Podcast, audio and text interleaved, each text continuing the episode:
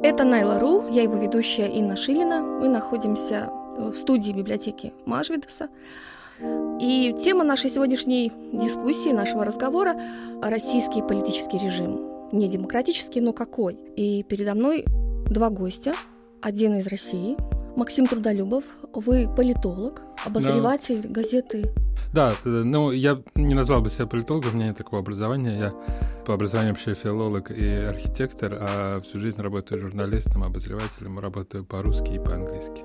Вы обозреватель... Э... Ведомостей, хотя это может измениться в самое ближайшее время из-за истории с ведомостями, и Нью-Йорк Таймс, и работаю для других разных изданий тоже. Еще есть Russian Files, это на английском, да? Да, я редактор издания The Russia File, который делает э, Институт Кеннона в Вашингтоне. То есть я работаю по-английски, примерно, наверное, две трети моих усилий э, сейчас на английском редактирую и пишу. Ну и на русском что-то остается по мере того, как остаются в России независимые медиа. Я начала с Максима, потому что он как бы наш гость, гость в Литве, не только в студии, но и гость в Литве. Другой гость нашей студии — это литовский политолог. Я надеюсь, думаю, не будет возражений, если я так назову вас. Пока а, нет. Раймонда Слопота. Ну, вы, может, что-то можете добавить еще о себе? Трудно сказать, что тут можно добавить, ну, просто долгое время работаю в Институте международных э, отношений Вильнюсского университета, руководил им сейчас э, происходит некоторое преобразование в жизни, в том смысле, что баллотируюсь в парламент Литвы от э, партии либералов. Так что это, так сказать, бурное время.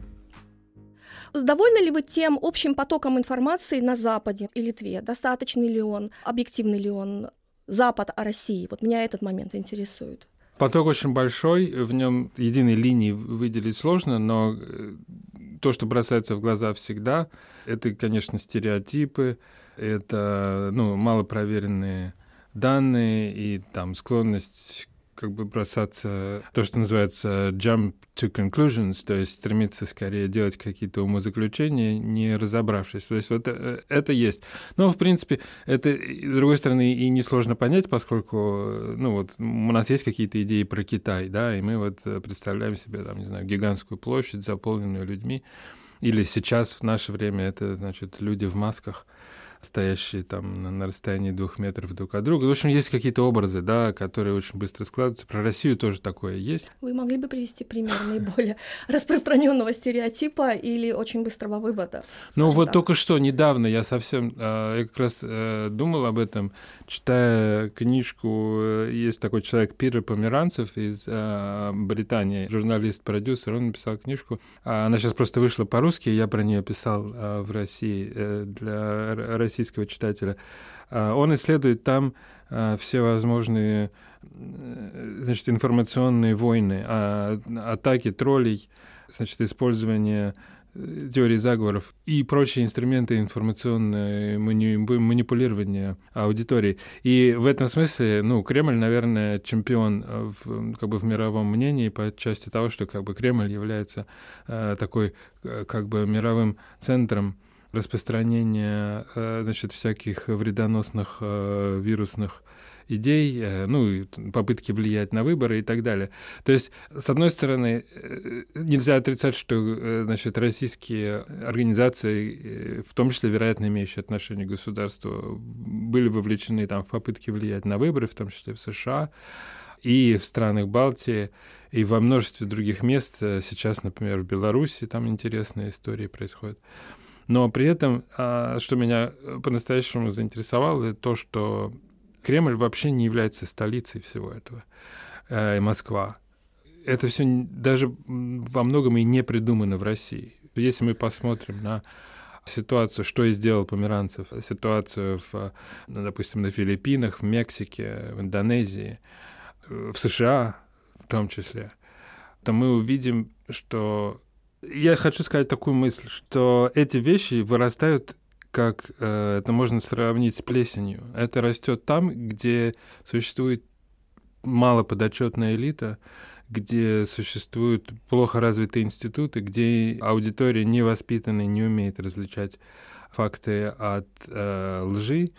И вот там эти вещи возможны. Они просто возможны, потому что они возможны. В том смысле, что они сами вырастут, если, там, скажем, не знаю, нужно выбрать президента Дутерте на Филиппинах, да, и запустить историю о том, что как, допустим, страшно вредны наркотики, из-за которых умирают люди, это распространяется вирусным путем, а он предстает героем, который а, борется с а, значит, наркодилерами, убивает их в том числе лично и так далее. Совершенно жуткие истории.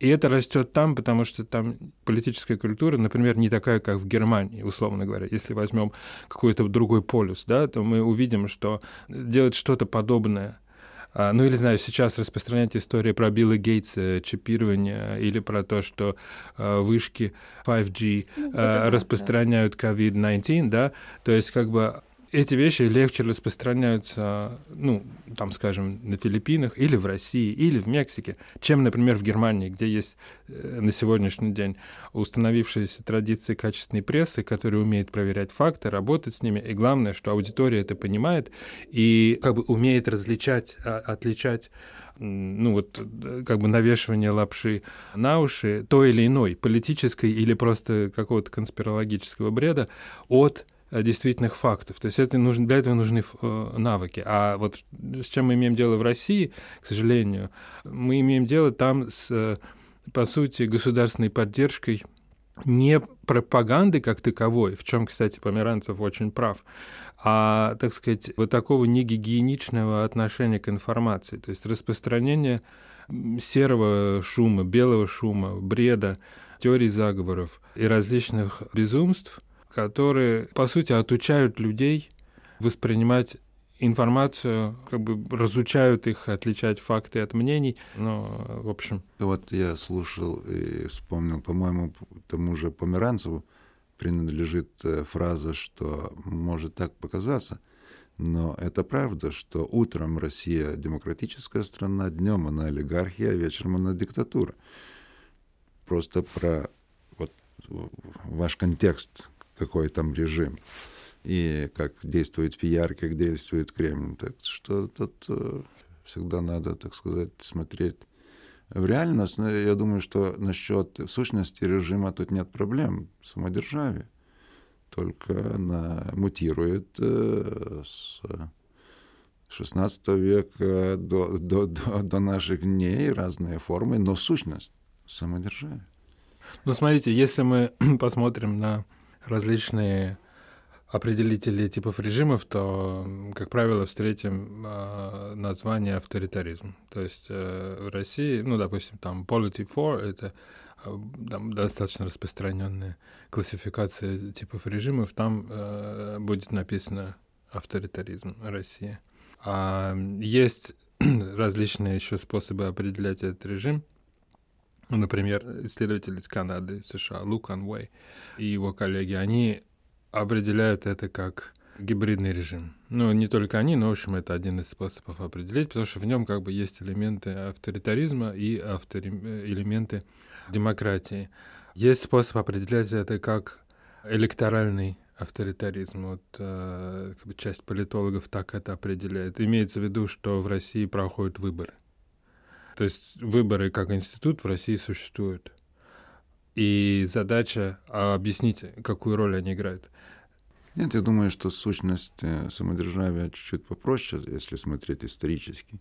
Чего не было в России никогда и сейчас не, не существует. Частная собственность.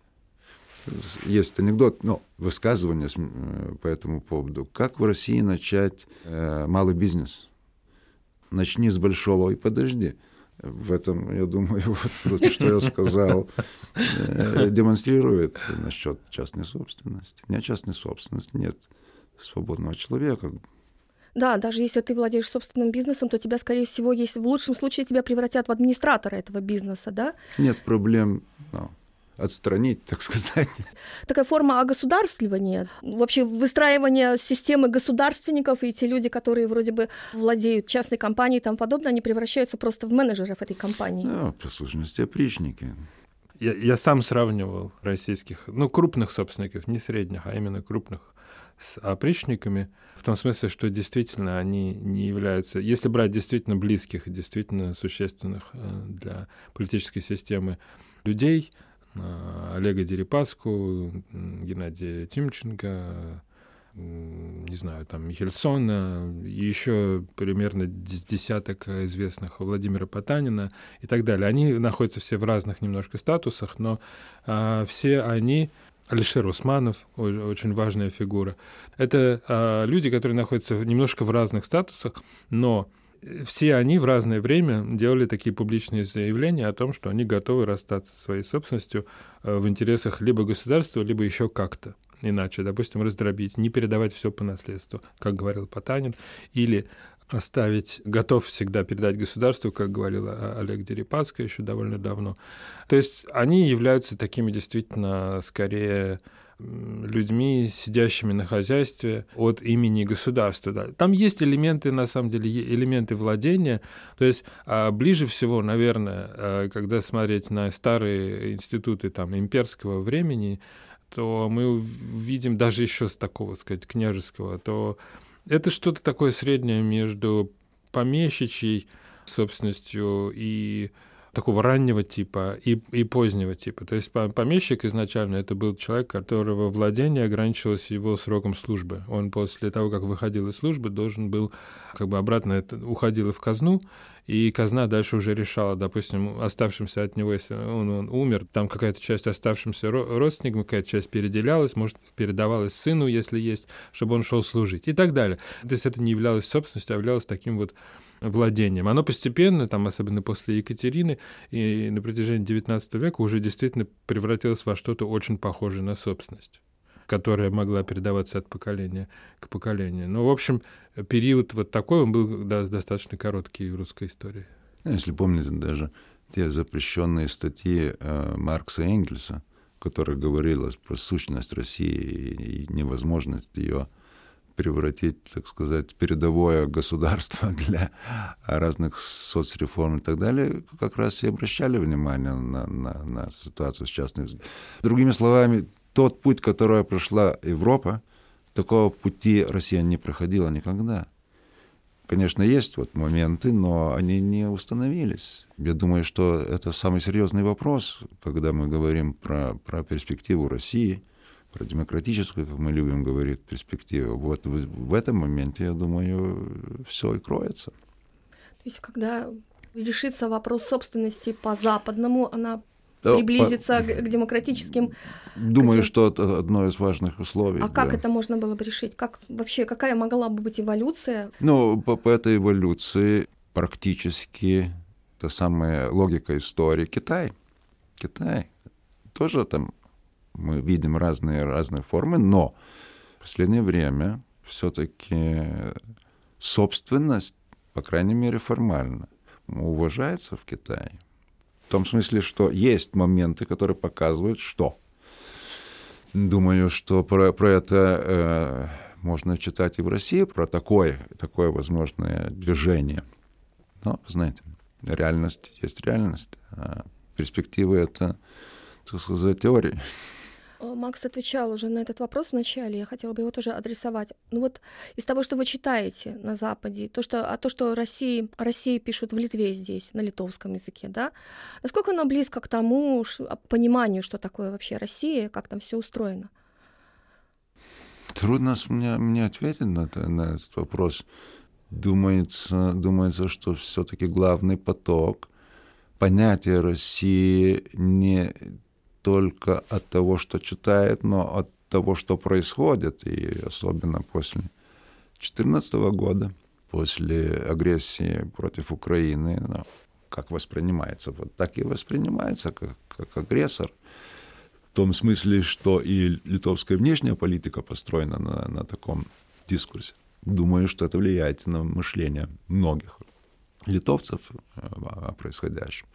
Но есть, конечно, и бытовые всякие разные ситуации, бытовые связи и так далее. И там уже, наверное, картина по-другому но рассматривается. Мы ее не видим как бы отсюда, да? Нет, ну мы видим, но про, про, про богатство культуры России тут никто же не спорит в Литве. Все, думаю, что, так сказать, э, главный стереотип, что да, богатая, богатая в этом смысле страна, что нужно иногда почитать и Толстого, и, и Достоевского и так далее. Но, смотря на молодое поколение, э, один из, э, наверное, критериев, э, который может понять, что думает, например, молодежь, это распространение русского языка, в том смысле, как иностранного языка, сколько изучают и, и этот язык, сколько молодых людей владеют ими. Мы знаем, что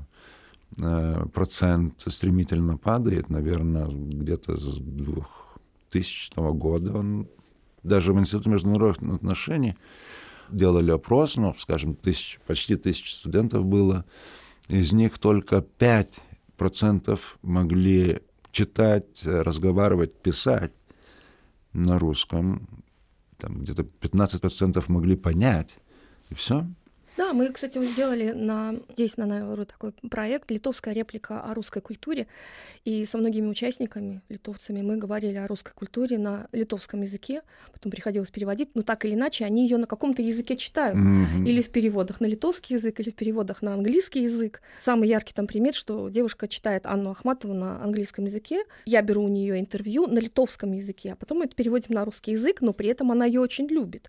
И она ее понимает, она ее чувствует, она ее mm-hmm. понимает и хотя она ничего практически не знает о том времени, в котором жила Анна Ахматова, и... или, например, девушка, которая является поклонницей группы Short Paris, и там этот их э, клип там в школе, там страшно такой клип, и она не знает контекста, почему в школе, она не знает о трагедии Беслана, но она при этом поет эти песни, ей они нравятся, uh-huh. она их как-то по-своему понимает, но она их понимает через русский национализм.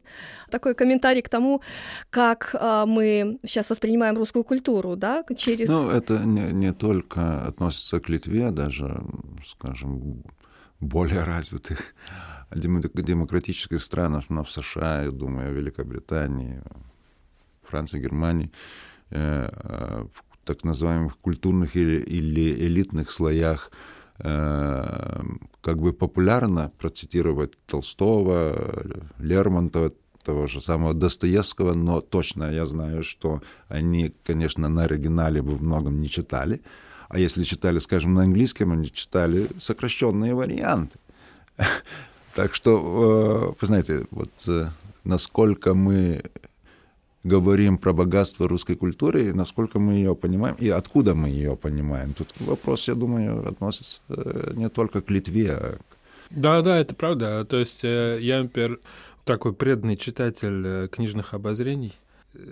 Вот могу судить там вот там New York Review of Books или mm-hmm. там лондонская Review of Books и другие издания. Русская литература всегда там есть.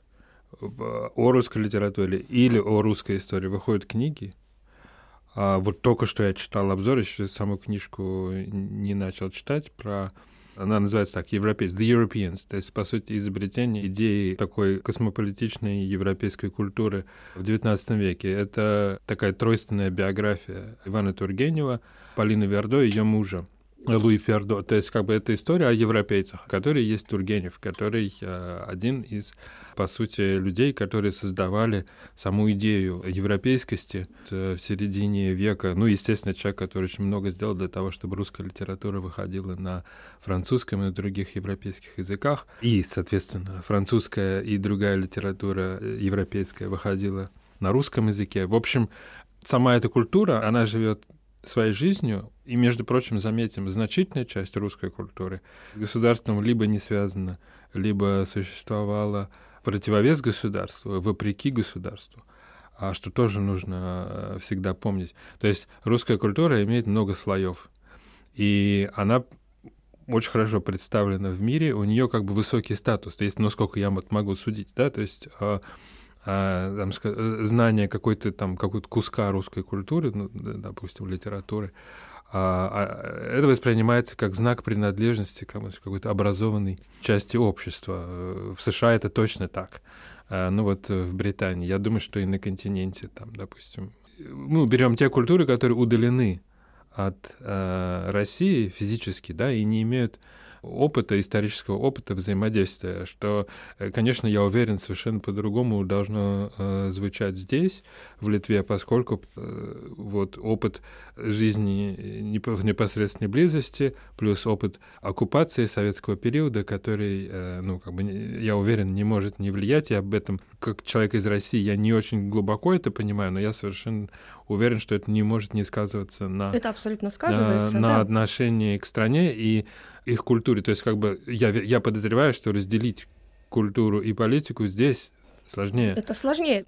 Ну вот, кстати, два раза прозвучало имя Толстого. И вот у него это есть всем известная фраза, я думаю, абсолютно, и, и всем литовцам она известна, все семьи, а, счастливые семьи одинаковые, да, а несчастливые разные. А если вот перефразировать на, по политическим системам, вот сейчас так быстро, как можно было перефразировать? Там все демократии счастливые, все авторитарные, а, несчастливые, хотя это тоже спорно. Как бы вы перефразировали это? Трудно, трудно тут. Не знаю, я, я бы не сказал. Я, знаете, чем дольше я живу, тем меньше я думаю, что есть э, совсем счастливые политические системы. Ну, Даже вот вопрос был по поводу карантина и вообще пандемии как, как индекс счастья политического, да? Что показал и, и про Литву, и про другие страны? Как вот, уже вот несколько дискуссий было по поводу того, как быстро мы вернемся, вернемся свои свободы, которые сейчас, как скажем, а, даже вот у вас, я, по-моему, вчера в, интервью читала, вернемся те свободы, которые и те законодательные всякие вещи, потому что сейчас очень много власти у правительства, но парламент, Сейм оказался на, на втором плане. И вот вообще в целом уровень счастья, политического счастья, как, что карантин показал? Ну, тут э, моя фраза была такова, что народ, э, нация э, ведет себя хорошо, правительство только много говорит. Но тут есть и другой смех, почему литовцы так более-менее, так сказать, э, культурно в большинстве носят маски. Они говорят, ну вот сказали, знаете, с советских времен они, так сказать, слушают, что им говорят и выполняют. Но есть и, и, и другой ответ на этот вопрос, потому что литовцы в основном либералы. Один из принципов э, либерализма — не делать э, зло другому. Вот поэтому они носят. Так что тут трудно сказать, тут есть конституционные проблемы во многих странах, даже и в Швеции и так далее. Э, было много же дискуссий по конституционным правилам э, перехода на один или другой режим или ну, про, просто не, не, не, не, не вхождение в, в карантинный режим. Даже в той самой Германии, которая тоже по всем качествам неплохо э, справилась пока с, с пандемией. Тут есть вопрос. Я думаю, что в Литве тоже будут много разговоров по вводу режима, что тут произошло. А сейчас уже политические моменты в том смысле, что приближаются выборы. И, конечно, держать карантине для правящих полезно просто. Но самое главное, никто не знает, как пойдут дела дальше. В этом, в этом, в этом вопросе, думаю, что во многих странах. Но тут тоже есть момент, связанный с государством как таковым, демократическим государством. Демократия все равно требует дискуссий, не только авторитарных решений.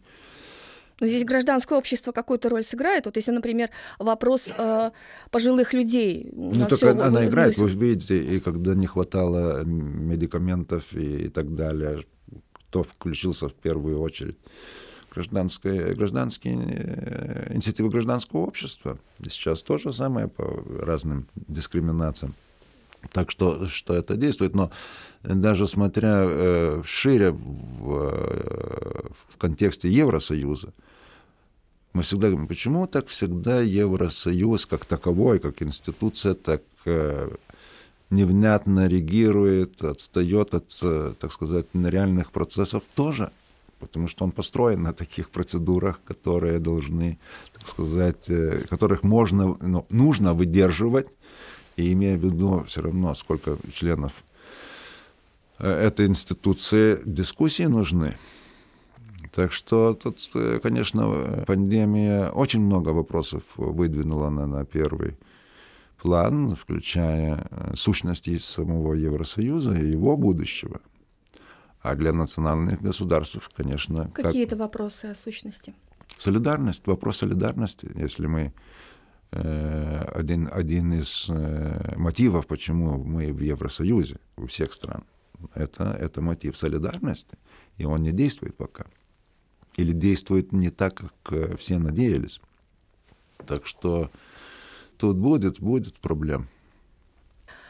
Я хотела вернуться вот к тому, что сказал э, Максим, по поводу того, что вот мы рядом с Россией, у нас есть определенный исторический опыт и эмоциональный, и на на разных уровнях а, Литва выполняет такую роль в Европе, на Западе, о том, что она пытается обратить внимание тому, что происходит в России, сказать какую-то непринятые какие-то вещи, непонятные какие-то вещи, и даже на самом высшем там, политическом уровне.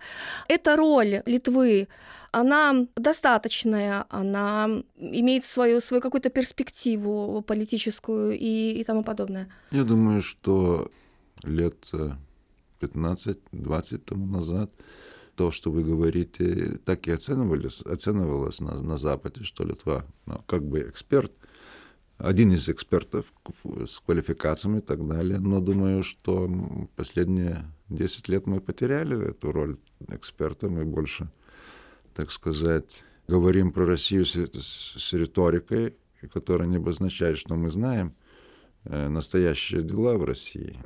В этом, в этом, я думаю, самая большая проблема сейчас. Почему так произошло? Контекст, сам контекст, особенно, особенно э, процессы на, на Украине, это одно, другое, наверное, и само поведение России. Много, много тут было влияний, но вот есть что есть. Вообще вся эта вещь про Россию, она, она, на мой взгляд, очень расслоенная, там есть много разного, но в ней есть и качественный слой, который можно найти, если если хотеть. Но на самом деле было бы здорово, то есть как бы теоретически было бы очень хорошо, мне кажется, если бы вот в пространстве Литвы как раз в медийном и в экспертном было бы как раз больше. То есть, мне кажется, Литва могла бы даже, ну, как-то больше быть заметной, возможно, да, в, ну, в европейском контексте, если бы э, действительно как бы отсюда было больше каких-то просвещенных, осведомленных источников знания, понимания России. То есть можно, наверное, говорить э, довольно-таки смело, что Россия никуда не денется и будет так или иначе э, создавать ну, скажем так, мягко, как сказать, вызывать вопросы различного рода, да, а поскольку вот, ну, исторически это политическая система, которая плохо совместима с э, европейскими политическими системами. Она иная, она по-другому устроена. При этом культурная близость, вот мы уже это все обсудили, культурная близость очевидна. Кстати, э, еще буквально одну минуту. То есть, э, что я невольно замечаю это действительно от как бы, границы э, восток-запад как таковой больше нет. В том смысле, что отношение к России в, э, вот в балтийских странах, Польше, э, западе Украины, это одна история. Отношение к России в Германии, Австрии, там, на севере Европы, это еще одна история. Отношение к России во Франции, Италии, допустим, еще одна история. То есть это, это совершенно разные, э, разные. И чем дальше э, удалена культура, это, ну, скажем, в, в Италии к России скорее позитивные, так сказать, традиционно хорошие отношения. А, а, например, в Испании очень плохое. А, возможно, это как бы некоторая такая странная история, возможно, связанная с э, глубоким проникновением э, мафии из России в, в, в Испанию, и там просто об этом очень много э, так или иначе говорили. Вот, в общем, как бы есть много образов России, да, э, и стереотипов разного рода, и как бы вообще хочется думать, что есть некоторый запрос на то, чтобы э, изучать и понимать э, Россию, ну, на каких-то более каких-то понятных твердых основаниях, чтобы на чем-то основывать, например, свою политику. Интересно, что я вчера, когда готовилась к интервью, я вычитала такой вопрос, который возникает у у граждан Литвы по отношению к России, что ведь мы тоже пережили разруху 90-е годы, что у нас тоже были бандиты, у нас тоже были рэкет, у нас тоже была бедность, нищета, там, и вообще, когда все развалилось, и люди не умели вести свой собственный бизнес, им пришлось учиться.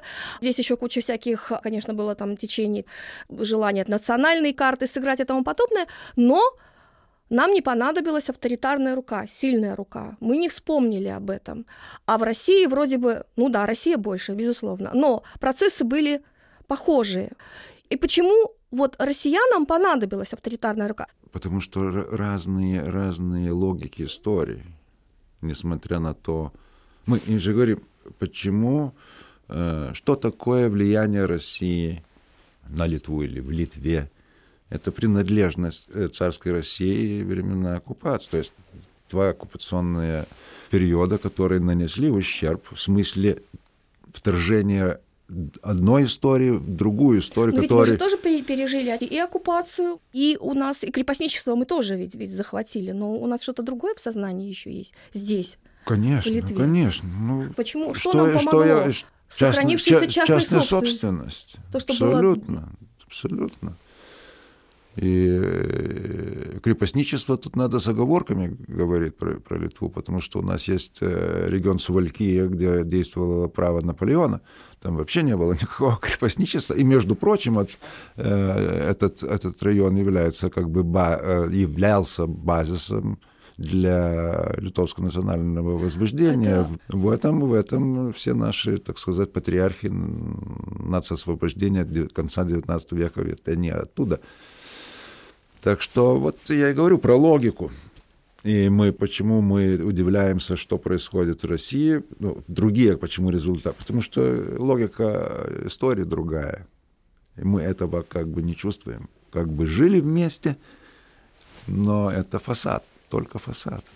Да, вы знаете, это такая большая сложная тема, но мне кажется, что отчасти это было неизбежно, скажем, э, вот такой э, персоналистский авторитарный режим, какой в России сложился. То есть в нем было что-то, что было неизбежно, скажем так, но было что-то, что и не было неизбежно. То есть э, все-таки развитие могло пойти по более открытому пути. И я плохо себе представляю быструю демократизацию России. Это я плохо себе представляю.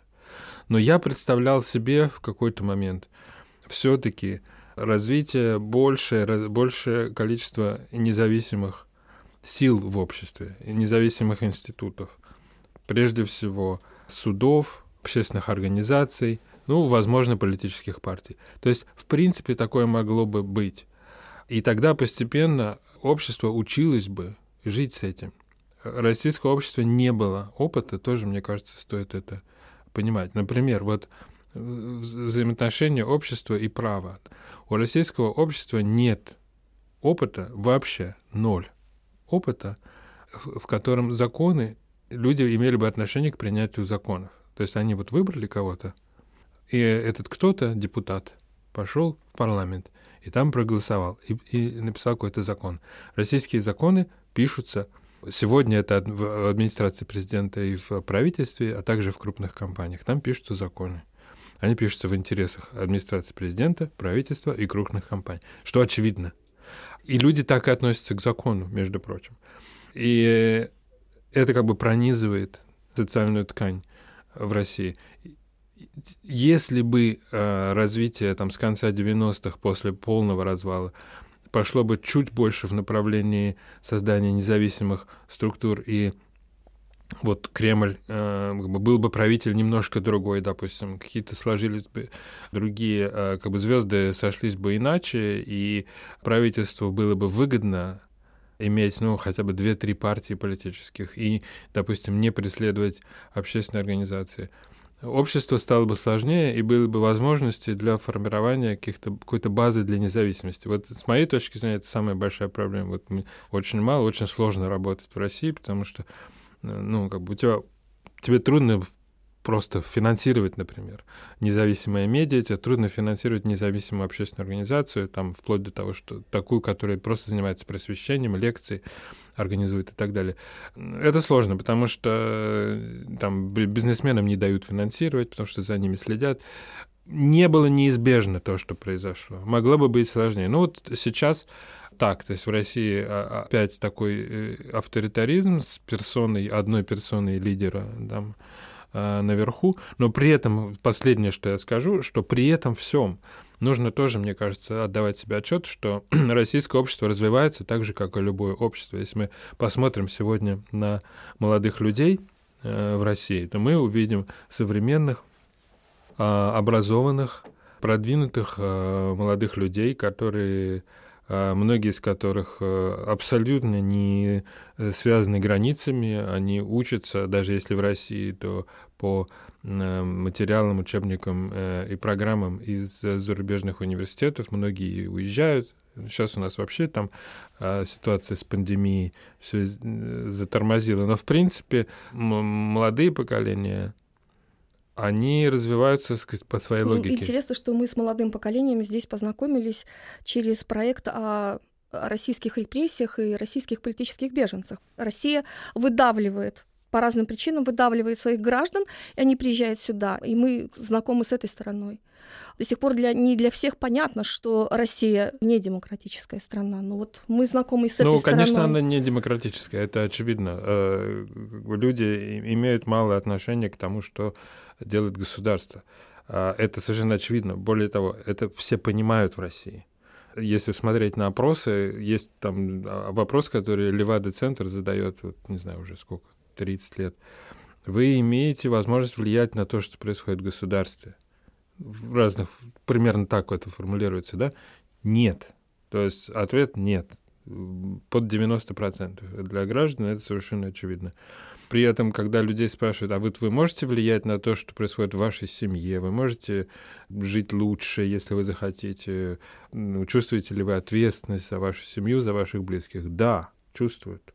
Очень как бы ответственные люди, россияне. То есть, понимаете, это, это такая ситуация сложная. То есть э, в России ответственный человек, вот он, э, не знаю, строит свой бизнес или при государстве где-то пристроился, там что-то э, себе создал. И, и это, в принципе, воспринимается хорошо, это достойно. В том смысле, что вот в ситуации, когда, ну, мы все понимаем, мы не можем пойти сейчас, мы не можем э, избраться, в парламент. Здесь, кстати, вот в Литве есть несколько, я знаю, людей, которые участвовали в выборах. Да, да, то есть вот люди пытались по такой прямой линии, да, идти, вот влиять на государство, на общество. Как?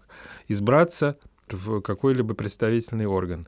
Пройти независимому кандидату в России в такой орган, будь то парламент или какое-нибудь даже муниципальное собрание небольшое, нереально. То есть вот у меня это невозможно. вопрос вот по поводу оппозиции. Формально возможно и даже фактически, но даже при этом его сломают человека мгновенно. Если даже он, ему удается попасть, ну, скажем, в областную думу, сколько мы примеров имели с историей Калининградской области, много друзей имели, как говорю, как и академики, как, mm-hmm. как государство, и сколько мы видели, что происходит. То есть, э, возможно, как я сказал, все удивляются, но это уже успех, так сказать, человека, его популярность, возможно. Но потом mm-hmm. ненадолго. Вот по поводу оппозиции, вот она в России не имеет возможности влиять на то, что происходит в государстве. И вот эти ребята, которые сюда к нам попали, они преследуемы были в России, они поддерживали оппозиционные какие-то да, вещи, они выходили на митинг, они вроде бы поддерживают оппозицию, они за нее страдают, они садятся а, в тюрьму, в колонию, или они вынуждены эмигрировать, и, возможно, навсегда. Стоит ли того, чтобы поддерживать такую оппозицию? И как ломать вообще все это? Вот как, как тут можно что-то изменить? Ну, вы знаете, сейчас э, Россия пришла к такой ситуации, а, которая напоминает немножко э, начало 20 века. Не советское время, а начало 20 века, э, на мой вкус. То есть политика в стране есть, но как бы попасть в, в нее, так сказать, вот в легальные институты политические практически нереально. Есть какие-то, ну, возможно, на, региональных, на региональном уровне есть истории, ну, в общем, людей быстро обрабатывают, действительно, и они входят э, в систему в любом случае. Но главным образом просто то, что принципе конкурентная политика, она, э, Кремль не принимает саму идею конкурентной политической борьбы, независимых политических партий. С точки зрения Кремля такие вещи быть не могут. И они как бы являются нонсенсом. Не, не может быть. Вот в начале 20 века в, в России уже было достаточно развитое общество, достаточно образов... большой образованный слой. Но при этом политика, по сути, была вне закона, э, по, по факту. И, и э, в, в итоге там вот Россия получила революцию, потому что самые активные и э, безумные люди были нелегалы, которые превратили политическую борьбу, по сути, в такую подрывную деятельность. Это была, вот как Ленин, да, создавал партию нового типа, так называемую, то есть такую, которая знает точно, что нужно делать, и берется объяснить рабочему классу, как ему взять власть, потому что рабочий класс сам не понимает. Сейчас такое в России невозможно, но будет что-то другое. И тоже это будет следствием того, что, по сути, конкурентная политика вне закона находится в России. И это как-то вылезет. Вот я бы хотел, это вопрос там на очень много миллиардов э, рублей, Э, как бы как это реально про, как бы вырвется, как это э, э, раз, будет разыграно в жизни, потому что это какие-то последствия этого точно будут. Потому что запрос защиту интересов людей, э, на право, на то, чтобы чувствовать себя гражданами, этот запрос в России есть. Совершенно точно. Это видно в вопросах, это видно просто из общения с людьми. А, при этом все понимают, что вот, ну вот сейчас это невозможно, вот так вот. То есть, как бы, если ты хочешь, не знаю, там, если ты даже вплоть до того, что вот защищать там свой проект там, паллиативной медицины, там, помощь умирающим. То есть это вещь, которая вообще кажется, ну уж что еще может быть как бы менее политизированным и, а, как сказать, исходящим только из соображений гуманности. Тем не менее, даже чтобы это делать, там вот просто есть в России там такая дама, которая, значит, имеет, э, ну, этот проект по э, паллиативной медицине, она, по сути, уже стала чиновником и работает в государстве, чтобы защищать это. Нет. Нюта Федермессер ее а. зовут. Это фонд, который был изначально частный, потом вот как бы она сейчас уже является, по сути, человеком, ну, чиновником в государстве. То есть э, это как бы пример того, что если ты хочешь защищать, если есть идея и какой-то проект, который даже ну, близко не, не, нельзя назвать каким-то политизированным, это просто вот про жизнь, да, про защиту качества жизни и про помощь людям даже в этом случае тебе надо так или иначе войти в государство, чтобы это защитить. Вот это, конечно, очень грустная особенность вот сегодняшней российской жизни, да. Скажите, а, тогда к вам вопрос. Скажите, а вот политика нового президента нашего, ну, как, может, уже не нового, да, ну, Гитана Санауседы. Ну, почти год уже, да. Да, уже не новый. Какой она должна была бы быть и какая она есть? Даже, ну, может быть, а, ну, не только карантинное время, потому что карантинное время сложное такое время, какое-то, скажем так, вялое в, в политике. Я даже не знаю, чем продиктовано самим, самой личностью президента или вообще время такое? Ну, время, конечно, и думаю, что э, она показала, так сказать, черты, черты политического действия, посидеть, подождать, посмотреть а не сотворять. Э, ну, конечно, э, если мы говорим про, про э, Литву, Россию, роль президента в этом отношении, то есть некоторые установки, которые не могут меняться из-за одного очевидного и простого факта. Украина.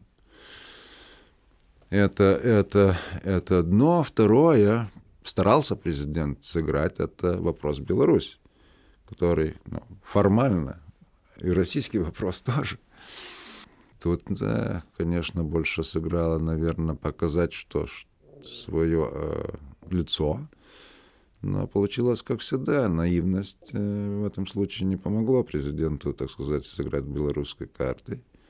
Э, несмотря на то, что э, один фактор Литва для э, интересной внешнеполитической игры, которая стоит свеч, в том числе и вопрос стоит по безопасности, национальной безопасности Литвы, это, как вы все, наверное, знаете, Островская атомная электростанция. И вот тут можно было бы играть, э, надо было играть э, на Западе, на Западе. Э, сотворяя так называемую антиастравскую коалицию. А тут, конечно, вот вопрос. Э, и не только Беларуси, но и России.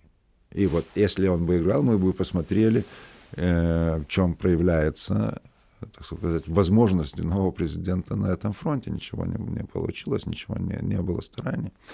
И поэтому вот с Россией так и остается. Несмотря на то, что я говорил про Украину, этот вопрос, который принципиальный, знаете, даже тяжелые времена, э, во время антагонизма между Литвой и Россией, такое было и при президенте Адамкусе, все равно э, имелось, как я называл, это горячая линия то есть при напряжении было кому позвонить в Москве и смотреть, что тут происходит.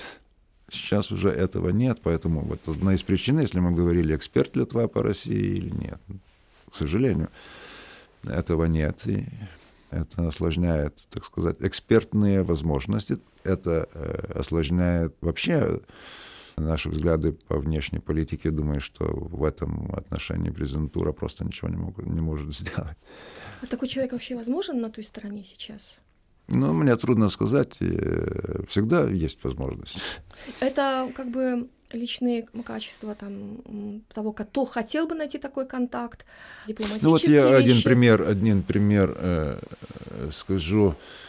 Помните, там мы поступали, э, процесс поступления Литвы в НАТО, Евросоюз, и несмотря на то, что при встрече в 2002 году Путин как бы сказал, ну, я понимаю ваши стремления, как бы все заговорили о зеленом свете и так далее, то есть не в Литве, а на Западе, э, но при э, наступлении Дня X напряжение росло, и в этом контексте президент Э, Адамкос э, наградил, вы помните, э, близкого к Путину человека Якунина.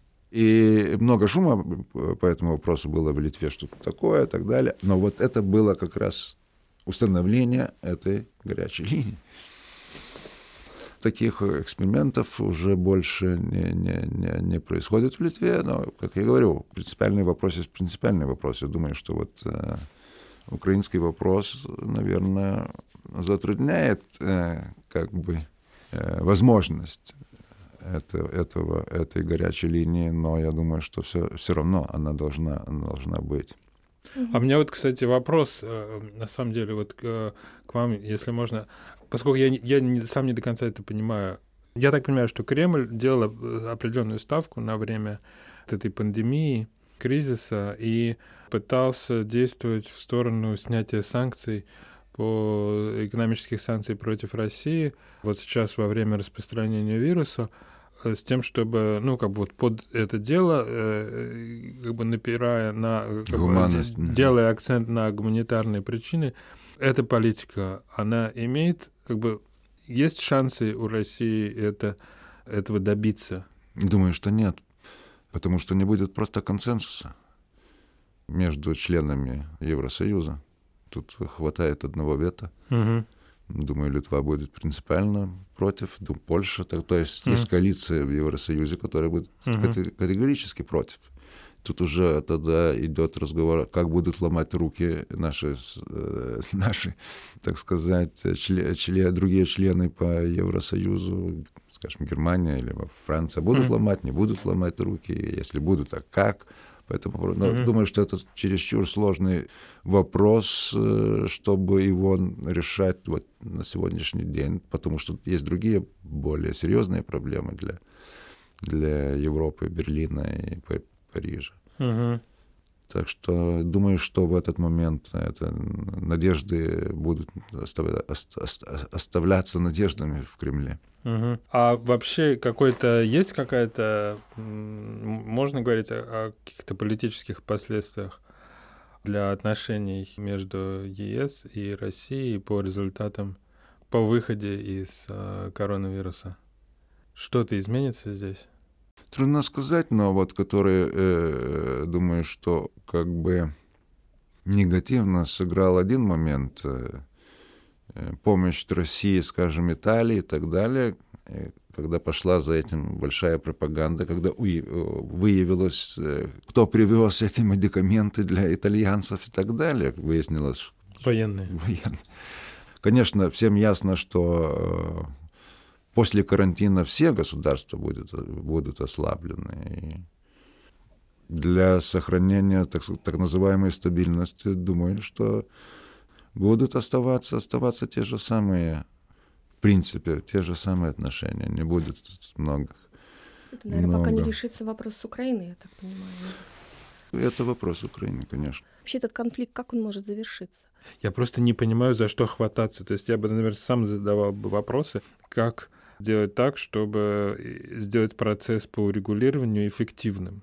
Как усадить за переговоры Путина, его европейских коллег и, естественно, украинских политиков, украинского президента и украинского руководства, как сделать так, чтобы переговоры были действенными, а не были бы какой-то хитроумной шахматной партией. Ну, потому что пока вот Минский процесс, он именно такой. То есть, э, судя по всему, задача, э, ну, как минимум, российской стороны была скорее запереть украинских Э, политиков, поставить их в такой угол, из которого им трудно э, будет выйти, там и соблюдать нельзя, и не соблюдать нельзя, так, чтобы всегда можно было, э, ну, как бы, рычаги сохранить, Контроль. так, чтобы всегда, может быть, там надавить, здесь надавить. В общем, а пока этот процесс имеет черты как-то сходства с палестино-израильским конфликтом, в смысле его глубокой неразрешимости.